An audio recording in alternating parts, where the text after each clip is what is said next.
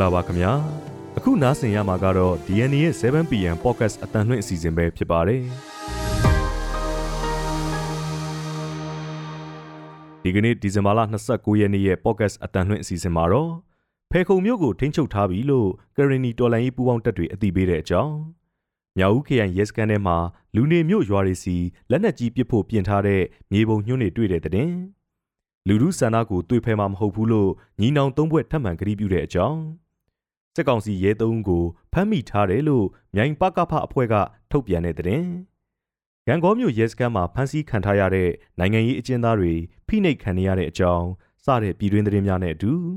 ဆန္ဒပြနေတာကိုပွဲဖြတ်ခဲ့တဲ့ချီလီကပင်လယ်ဖြန့်ကြီးတွေနဲ့ဇင်ရော်ငှက်တွေရဲ့တဲ့။တရုတ်စမတ်ဖုန်းကုမ္ပဏီ Xiaomi ရဲ့လျှက်စစ်ကားကိုတရားဝင်မိတ်ဆက်ပြသတဲ့အကြောင်းစတဲ့နိုင်ငံတကာသတင်းတွေကိုနားဆင်ရမှာပဲဖြစ်ပါတယ်။ဒီအစီအစဉ်ကိုတော့ ကျွန်တော်မောင်သိန်းနဲ့အတူနန်းခမ်းတို့ကတင်ဆက်ပေးသွားမှာပဲဖြစ်ပါတယ်။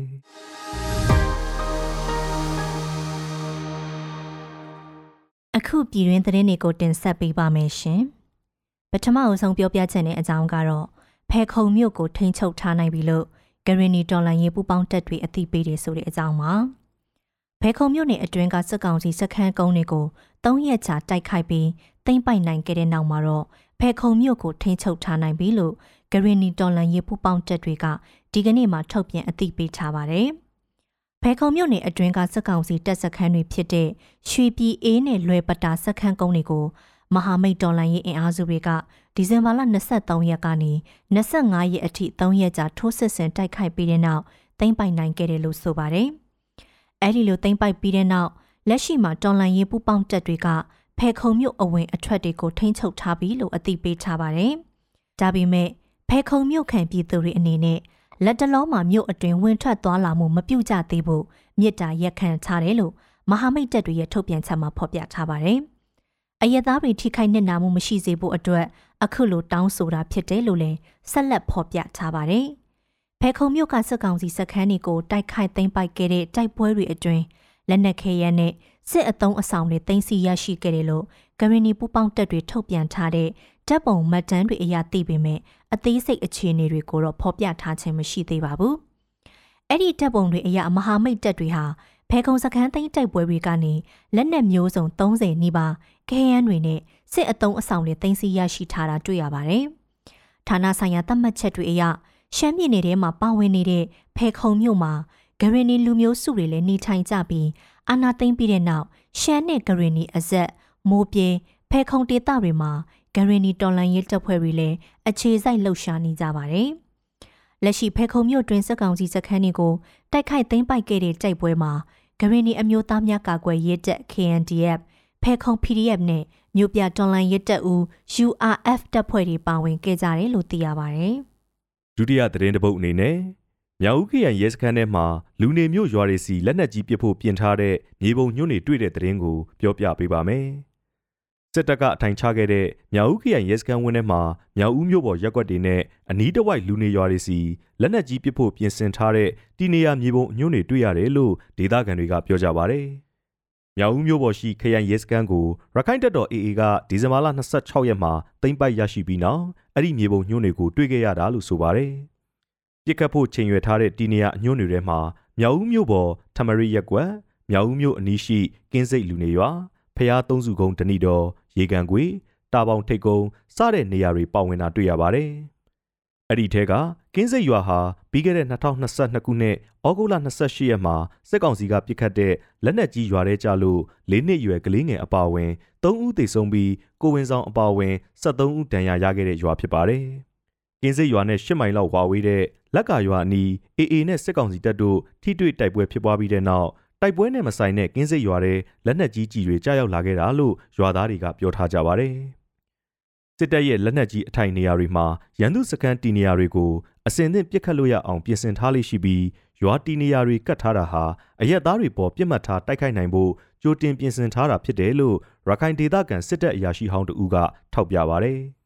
ပြစ်မှတ်တစ်ခုကိုလက်နက်ကြီးနဲ့ပစ်ခတ်မယ်ဆိုရင်အဲ့ဒီနေရာနဲ့လက်နက်ကြီးအထိုင်ချထားတဲ့နေရာတို့ရဲ့အကွာအဝေးအရက်မျက်နှာစတဲ့အချက်လက်တွေလိုအပ်ပြီးပြစ်မှတ်တီနေရာကိုချိန်ရွယ်နိုင်ဖို့အမှတ်သားတွေစိုက်ထူကကြိုတင်ပြင်ဆင်ထားရတယ်လို့စစ်တပ်အရာရှိဟောင်းကရှင်းပြပါဗျ။ဆက်လက်ပြီးပြောပြချင်တဲ့အကြောင်းကတော့လူလူဆန္ဒကိုသွေးဖဲမှာမဟုတ်ဘူးလို့ညီနောင်သုံးဖွဲ့ထပ်မံကတိပြုတယ်ဆိုတဲ့အကြောင်းပါ မြန်မာပြည်သူတရက်လုံးရဲ့ဆန္ဒနဲ့သွေးဖဲတဲ့အလုပ်ကိုပြုလုပ်မှာမဟုတ်ပဲပြည်သူတွေလူလာတဲ့ဆန္ဒပြေဝဖို့အကောင်းဆုံးကြိုးပမ်းသွားမယ်လို့စစ်ကောင်စီနဲ့ထပ်ပြီးဆွေးနွေးမယ်ဆိုတဲ့သတင်းတွေထွက်နေချိန်မှာညီနောင်မဟာမိတ်သုံးဖွဲ့ကထုတ်ပြန်အသိပေးလာပါတယ်လက်ရှိဒီဇင်ဘာလဆန်းအတွင်းစစ်ကောင်စီနဲ့တွေ့ဆုံဆွေးနွေးတယ်ဆိုတဲ့သတင်းတွေထွက်ခဲ့ခြင်းကလည်းညီနောင်မဟာမိတ်သုံးဖွဲ့ကအလားတူထုတ်ပြန်ခဲ့ပူပြီးနောက်တစ်ချိန်ဂတိထပ်ပြုလာတာဖြစ်ပါတယ်။အခုလအတွင်းစစ်ကောင်စီနဲ့မဟာမိတ်သုံးဖွဲ့ကိုယ်စားလှယ်တွေဟာ တရုတ်နိုင်ငံရဲ့ကြားဝင်မှုအရနှစ်ကြိမ်တွေ့ဆုံဆွေးနွေးခဲ့ကြပေမဲ့ရလတ်ထွက်ခဲ့တာမရှိဘူးလို့သတင်းတွေဆိုထားပါတယ်။ဒါကြောင့်လာမယ့်လအတွင်းနှစ်ဖက်ကြားတတိယအကြိမ်အဖြစ်ထပ်မံတွေ့ဆုံဆွေးနွေးကြဖို့ရှိနေတယ်လို့သတင်းထွက်နေတာရှိပြီးစစ်ကောင်စီနဲ့မဟာမိတ်တပ်တွေကတော့အဲ့ဒီအချက်တွေနဲ့ပတ်သက်လို့တရားဝင်ထုတ်ပြန်ပြောဆိုမှုတစုံတရာမရှိကြသေးပါဘူး။ညီနောင်မဟာမိတ်သုံးဖွဲ့အနေနဲ့10-20ခွန်စစ်စင်ရေးနှစ်လကြာကာလအတွင်း ထိုက်တဲ့နဲ့ပေးဆက်မှုတွေနဲ့အတူလှုပ်တဲ့လှုပ်ထိုက်တာတွေကိုဆက်လုပ်သွားမယ်လို့မနေ့ညကစစ်ရေးသတင်းထုတ်ပြန်ချက်မှာဖော်ပြထားပါတယ်။စစ်စင်ရေးနှစ်လပြည့်ခဲ့တဲ့အတိုင်းအရှင်ရော့ကျသွားခြင်းမရှိဘဲစစ်ရေးပြစ်မှတ်တွေကိုဆက်လက်တိုက်ခိုက်နေတယ်လို့ဆိုထားပါတယ်။ညီနောင်သုံးဖွဲ့တဲ့ကကိုကန်တက် MNDAA နဲ့စစ်ကောင်စီတပ်တို့ဟာလက်ရှိလောက်ကင်မြို့မှာတိုက်ပွဲပြင်းထန်နေကြပြီး TNLA, MNDAA နဲ့မဟာမိတ်ပူးပေါင်းတပ်တွေဟာမူစိန်မြို့အနီးမှာလဲစစ်ကောင်စီကိုဆက်လက်တိုက်ခိုက်နေဆဲဖြစ်ပါတယ်။ ရခိုင်ပြည်နယ်အတွင်းစစ်ရေးအရာအရေးပါတဲ့စခန်းကုန်းရဲစခန်းတပ်စခန်းတချို့ကိုပါသိမ်းပိုက်နိုင်ခဲ့တဲ့ရခိုင်တပ်တော် AA အနေနဲ့လဲရခိုင်ပြည်နယ်အတွင်းစစ်ကောင်စီနဲ့နေ့စဉ်တိုက်ပွဲတွေဖြစ်နေပါတယ်။နမ်ဆန်မန်တုံနဲ့နံပါတ်2မြို့တွေကိုလောလောလတ်လတ်ဆက်တိုက်သိမ်းပိုက်ထားတဲ့ TNLA ကတော့စစ်ကောင်စီနဲ့ထိတွေ့တိုက်ပွဲအပြင်းအထန်ထပ်ဖြစ်နေတာမျိုးမရှိသေးပဲ TNLA သိမ်းပိုက်ထားတဲ့မြို့တွေကိုစစ်ကောင်စီကလက်နက်ကြီးလေကြောင်းကနေတိုက်ခိုက်တာပြီးတော့ရှိနေပါတယ်။ နောက်ထပ်သတင်းတစ်ပုဒ်အနေနဲ့စစ်ကောင်စီရဲသုံးကိုဖမ်းမိထားတယ်လို့မြိုင်ပကဖအဖွဲ့ကထုတ်ပြန်တဲ့သတင်းကိုပြောပြပေးပါမယ်။မကွေးတိုင်းမြိုင်မြို့နယ်မှာစစ်ကောင်စီထောက်ပို့ရင်နှန်းနဲ့အတူပါလာတဲ့ရဲသုံးဦးကင်းထွက်လာပြီးလမ်းမနေချိန်ဖမ်းဆီးခံခဲ့ရတယ်လို့မြိုင်မြို့နယ်ပြည်သူ့ကာကွယ်ရေးအဖွဲ့ကထုတ်ပြန်ထားပါတယ်။မြိုင်မြို့နယ်အတွင်းစစ်ကြောင်းထိုးလာတဲ့စစ်ကောင်စီခလာရ251ထောက်ပို့ရင်နှန်းနဲ့ပါလာတဲ့ရဲဒုတက်ချက်ဝေလွင်ထွန်း ရဲတပ်သားဟိန်းထက်အောင်နဲ့အောင်လင်းထွန်းတို့ကိုဒီဇင်ဘာလ24ရက်ကမြိုင်ပကဖားနဲ့ PDF ကံမတို့ပူးပေါင်းပြီးဖမ်းဆီးခဲ့တာလို့ဆိုပါတယ်။ဖမ်းမိသူတွေရဲ့ထွက်ဆိုချက်အရစက်ကောင်စီဟာရဲအင်အား40လောက်ကိုမကွေးကနေပကုတ်ကူအခြေဆိုင်စက်ကောင်စီတပ်မှ101တဲတင်နန်းတက်ဖို့ဆိုပြီးလိန်လေခေါ်ယူကာစစ်ကြောင်းနဲ့အတူလိုက်ပါစေခဲ့တာလို့ဖော်ပြထားပါတယ်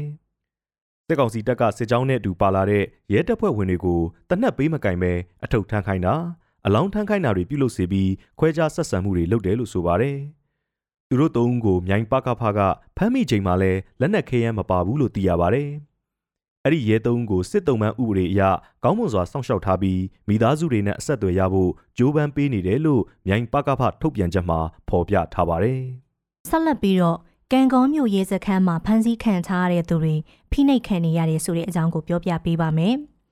စေအုပ်ချုပ်ရေးထုတ်ပြန်ထားတဲ့မကွေးတိုင်းကံကောမြို့ကရဲစခန်းမှာဖမ်းဆီးခံထားရတဲ့အကျဉ်းသားတွေကိုစခန်းမှုအပါအဝင်ရဲတွေကဖိနှိပ်မှုတွေလုပ်နေပြီးလူအခွင့်ရေးချိုးဖောက်ခံနေရတယ်လို့ဒေသတွင်းအခြေအနေတွေဖော်ပြပေးနေတဲ့ရောအလန်တန်လူမှုကွန်ရက်စာမျက်နှာကအသိပေးထားပါတယ်။ကံကောမြို့မှာရဲစခန်းမှုနဲ့ကြံတဲ့ရဲတွေက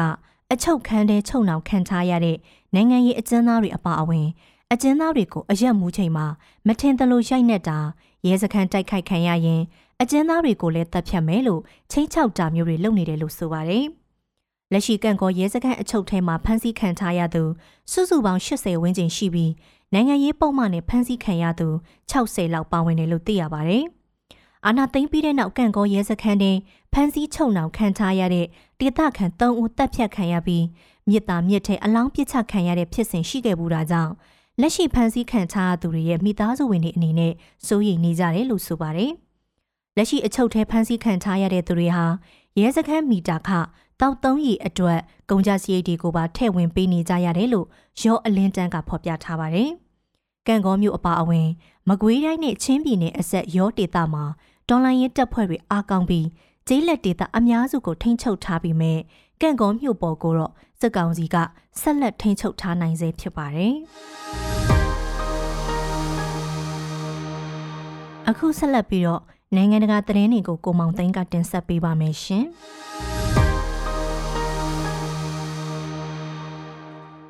ချီလီနိုင်ငံကကမ်းခြေမြို့တစ်ခုမှာတန်ငါသည်တွေစုဝေးဆန္ဒပြကြတဲ့အစီအစဉ်တစ်ခုဟာဖိတ်ခေါ်မထားတဲ့ကျူးကျော်သူပင်လယ်ဖြန်တွေနဲ့ဇင်ယော်ငှက်တွေကြောင့်ပွဲပြတ်ခဲ့ရပါတယ်။ ဒီဇင်ဘာလ28ရက်နေ့ကချီလီတောင်ပိုင်းဘဲပါရိုင်ဆိုမြို့မှာဒေသခံတန်ငါသည်တွေစုဝေးပြီးအစိုးရရဲ့နစ်နာကြီးအစီအမံတရက်ပေါ်မကြေမနက်ဆန္ဒပြခဲ့ကြပါတယ်။အစိုးရကဒေသတွင်းဂေဟစနစ်ကိုထိမ့်သိမ်းဆောင်ရှောက်ဖို့အတွက်ငါးဖမ်းလုပ်ငန်းတွေကိုကန့်သတ်နိုင်ရေးပြင်ဆင်လာခဲ့ပြီးအဲ့ဒီအတွက်ဒေသခံတန်ငါသည်တွေကိုနစ်နာကြေးပေးမဲ့အစီအစဉ်မှာအငင်းပွားမှုတွေဖြစ်ခဲ့တာပါဆန္ဒပြသူတွေကအထီကယုံနှိမ်နှင်းရေးရဲတွေကိုငားတွေရေထွက်ကုန်အဟိချွဲတွေနဲ့ပြစ်ပေါက်ခဲ့ရက အခြေအနေတွေတင်းမာနေချိန်မှာပွဲဖြတ်သူတွေရုတ်တရက်ရောက်လာကြတာလို့မျက်မြင်တွေကပြောပါတယ်ငားညှိနှန်းတွေကြောင့်အဲ့ဒီနေရာကိုရောက်လာတယ်လို့ယူဆရတဲ့ပင်လယ်ဖြန်ကြီး၃កောင်ဟာရဲကားတွေကြားမှာအေးအေးလူလူနေရာယူထားလိုက်တဲ့နောက်ဆန္ဒပြသူတွေရောရဲတွေပါကြောင်အန်းအန်းဖြစ်ကုန်ပါတယ်ဒါအပြင်ဇင်ရော်ငှက်တွေအများကြီးကပါရဲကားတွေပေါ်ထိုးဆင်းလာပြီးငားတွေကိုထိုးတုပ်စားတောက်ကြတဲ့အတွက်ဆန္ဒပြပွဲကိုရပ်လိုက်ရပါတယ်။ရဲတွေကတော့ သူတို့ကားတွေထဲပြန်ဝင်ဖို့တောင်အတော်လေးခက်ခဲတဲ့အခြေအနေကိုကြုံခဲ့ရပါတယ်။တဘာဝပတ်ဝန်းကျင်ထိမ့်သိမ်းရေးဝါဒီတွေကအဲ့ဒီဖြစ်စဉ်ကိုကြည့်ရင်လူသားတွေရဲ့နေမြေချက်တွေနေထိုင်မှုဟာတာယိုင်းတလိษံတွေရဲ့စကြက်နယ်မြေတွေနဲ့ဘလောက်နီးကပ်လာနေသလဲဆိုတာကိုမိမောင်းထိုးညွှန်ပြနေတယ်လို့ပြောကြားခဲ့ကြပါတယ်။